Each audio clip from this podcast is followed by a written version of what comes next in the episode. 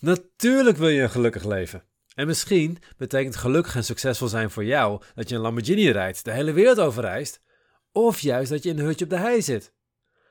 Voor mij is het dat ik mijn maximale potentieel benut, diepe verbinding heb met de mensen om me heen, mijn mindset kan ontwikkelen, kan groeien, geïnspireerd wordt en inspirerend mag zijn.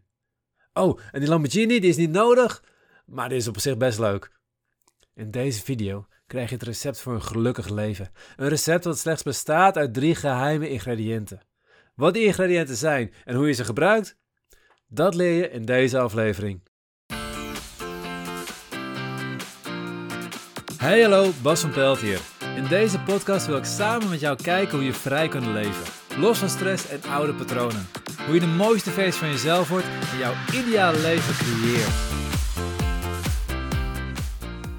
In deze video gaan we kijken naar het recept voor een gelukkig leven. En er zijn drie ingrediënten of drie kanten waar we naar moeten kijken. Dat is het interne stuk, dus wat gebeurt er in jezelf? Ben je gelukkig met de situatie waar je in bent? Het externe stuk, ben je de situatie aan het veranderen? En er zit een stukje, en dat beïnvloedt eigenlijk al die andere dingen, hoe je je voelt en wat je ermee doet. En dat is een stukje in je brein wat gaat over je pijn- en plezierbalans. Daar komen we als laatste op. Eerst even het interne stuk. En het interne stuk is makkelijk om uit te leggen. Maar niet zo makkelijk om altijd te doen. Het is de vraag, kun je dankbaarheid voelen voor alles wat je hebt? Met dankbaarheid voor alles wat je hebt bedoel ik niet alleen dankbaarheid voor het feit dat je een Lamborghini rijdt. Maar ook dankbaarheid voor het feit als je je Lamborghini in de sloot gereden hebt of volledig in de prak gereden hebt, kun je dan ook nog dankbaarheid voelen. Kun je op elk moment van de dag bepalen of jij dankbaarheid kunt ervaren in jouw systeem. Het gave namelijk is, op het moment dat jij een dankbaarheidsoefening doet en dankbaarheid probeert te ervaren, of terugdenkt aan die geweldig mooie herinnering. Voor mij zijn er een paar momenten die ik vaak gebruik in een dankbaarheidsmeditatie. Uh, het eerste moment is, is wat ik vaak pak, is dat, dat, dat mijn oudste geboren werd en dat, dat die, nou, dat hij eruit is, dat, dat hij bij elkaar op de buik lag, als ik zo ernaast denk, oeh, ik ben papa. Mijn tweede, mijn, mijn jongste, die heb ik mogen opvangen zelfs. Nou, dat was een bizarre, mooie ervaring. Echt, echt nou, je ziet aan me, dat is gewoon gaaf. De derde ervaring was dat ik, uh, we gingen trouwen met Karin. En ze was bij de moeder blijven slapen die avond. En ik kom me ophalen, ze de deur open, ze staan er in de bruidsjurk en de make-up op. Echt, echt, nou, het is gewoon... Ja, dan wil ik gewoon blijven en dan kan ik het helemaal voelen. En dan, dan, op het moment dat je dat voelt, gebeurt er namelijk iets in je brein. Op het moment dat je het voelt, komt er oxytocine vrij. Serotonine, oxytocine, maar vooral oxytocine. En oxytocine is het knuffelhormoon, het is het gelukshormoon. Het zorgt er letterlijk voor dat jij je gelukkig voelt. Dus gewoon de dankbaarheid te voelen, ga je meer geluk voelen. En het houdt niet alleen tijdens de oefening aan, maar het houdt daarna ook aan. En hoe vaker je het oefent, hoe makkelijker het wordt om in die staat te komen. En het coole van oxytocine is dat het zorgt dat je hele lichaam beter gaat functioneren. Elke cel in je lichaam functioneert op basis van de voeding die je krijgt, of je voldoende zuurstof krijgt en welke uh, uh, neuropeptide hij krijgt, welke signaalstof hij krijgt. Dus een hormonen en neuropeptide, welk signaal via het zenuwstelsel binnenkomen. Een belangrijk onderdeel daarvan is dus na de stoffen die erin komen. En simpel gezegd, als je, nou, als je heel dankbaar bent, zie je een oxycinekant, zie je zwaar en stress in je cortisolkant. Als je twee petischoutjes zou hebben, dan zou je één zou je oxytocine bij doen, al die cellen die gaan groeien, die gaan bloeien. En die andere stop je cortisol aan toe, het stresshormoon. Die cellen gaan dood. Ze worden ziek en ze gaan dood.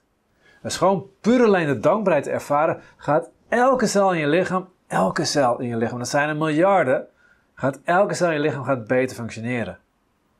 Dus je hele lichaam, niet alleen jij gaat je beter voelen omdat een lekker stofje door je brein gaat, maar je hele lichaam gaat beter voelen. Dat is het interne stuk.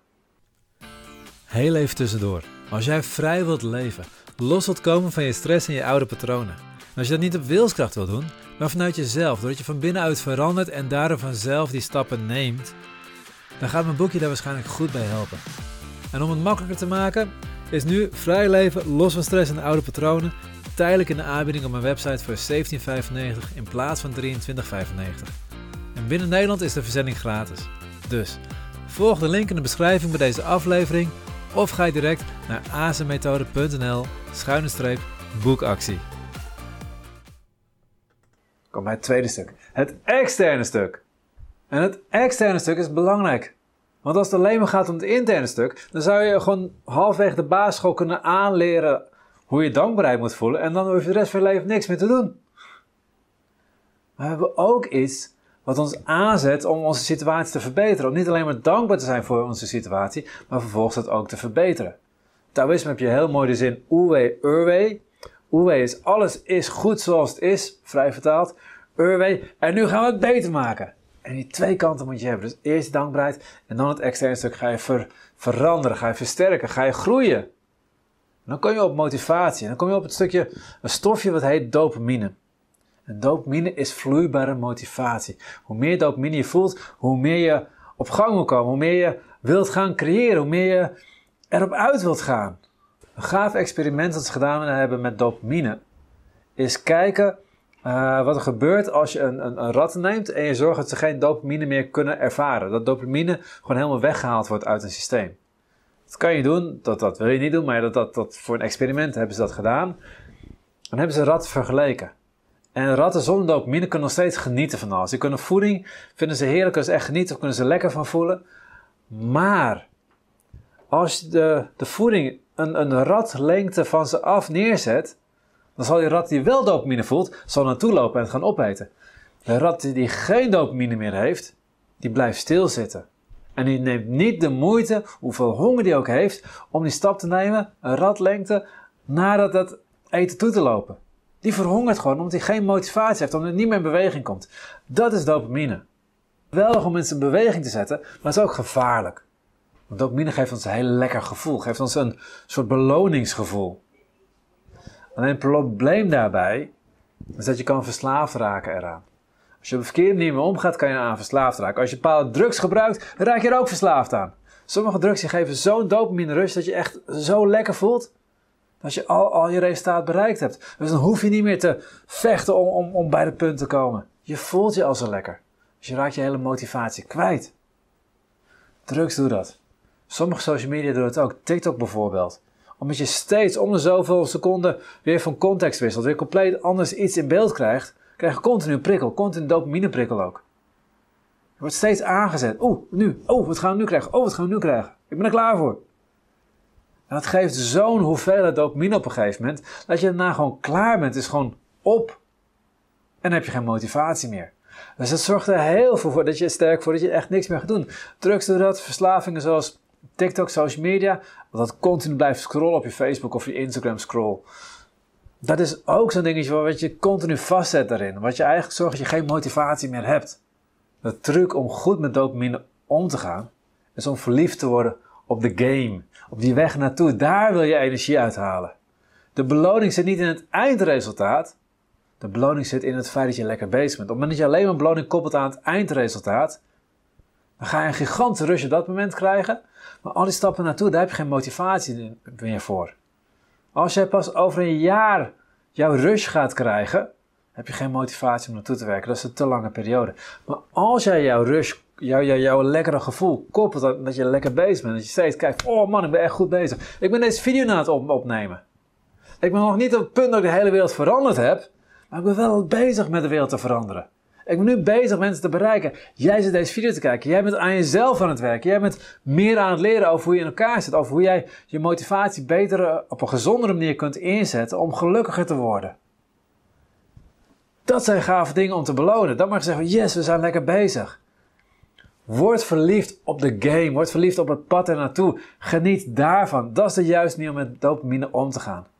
Dan helpt dopamine jou om te groeien. Er zit nog een stukje bij dopamine. Dat kan ik beter koppelen aan het laatste stukje waar het over ging hebben. De laatste ingrediënt. En dat is het stukje in je brein dat gaat over je pijn- en plezierbalans. En dat is bizar.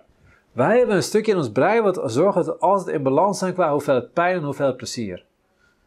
Met andere woorden, als je heel veel genot ervaart, als je elke dag drugs gebruikt, dan ga je op een gegeven moment, dan worden al je sensoren voor genot worden minder gevoelig en al je sensoren voor pijn worden gevoeliger. Dus op een gegeven moment heb je steeds meer drugs nodig om die rust te krijgen. En die rust die voelt steeds minder bijzonder. Tegelijkertijd voelt het dagelijks leven voelt steeds pijnlijker. Wordt steeds heftiger voor je. Waardoor je steeds nog meer je best gaat doen om in die rust te komen. Dus nog meer heftige drugs gaat gebruiken. En gaat helemaal uh, afglijden die kant op. Niet alleen met verslavingen, ook met tv, ook met eten, met rook. Verzin het maar. Alle dingen die lekker zijn voor je. Die geven je die rust die kant op. En die geeft dat je langzaam afglijdt naar nog meer nodig om genot te hebben en nog gevoeliger zijn voor pijn en op een gegeven moment het leven, het normale leven niet meer aan kunnen. Maar het werkt ook de andere kant op. Hoe meer pijn je ervaart, hoe minder gevoelig je pijnreceptoren worden en hoe gevoeliger het deel van je brein wordt wat gevoelig is voor genot. Er is een bizar experiment dat ze uitgevoerd hebben. Dat is echt lang geleden. Tegenwoordig mogen ze dat niet meer doen met mensen. En dat is misschien wel goed ook. Gingen ze mensen steeds grotere stroomschokken geven.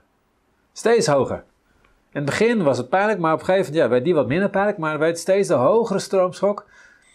Ja, je wende eraan. Dus je zat op dit punt was erg pijnlijk. was bijna ondraaglijk. Nou, op een gegeven moment was je eraan gewend, kreeg je deze.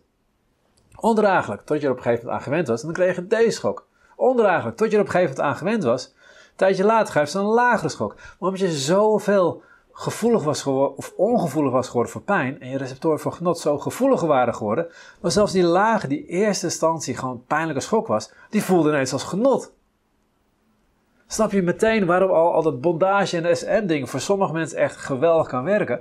Omdat dat pijnstuk prikkelt, waardoor ze gevoeliger worden voor genot. Ik ga niet zeggen dat je dat moet doen, moet je lekker voor jezelf uitzoeken wat jouw hobby is. Moet je ook lekker bij jezelf houden. Maar het, het systeem erachter is hetzelfde.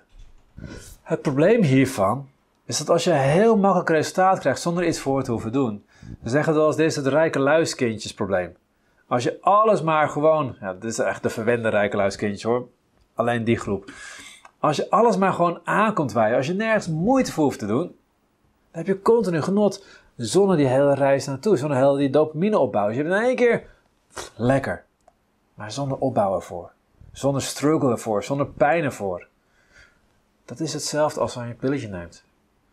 Ja, dan krijg je op een gegeven moment weer een Ferrari. Dan krijg je weer een Lamborghini. Het boeit je niet meer. Het, het, het, raakt je niet meer. Het, het, het geeft geen waarde meer.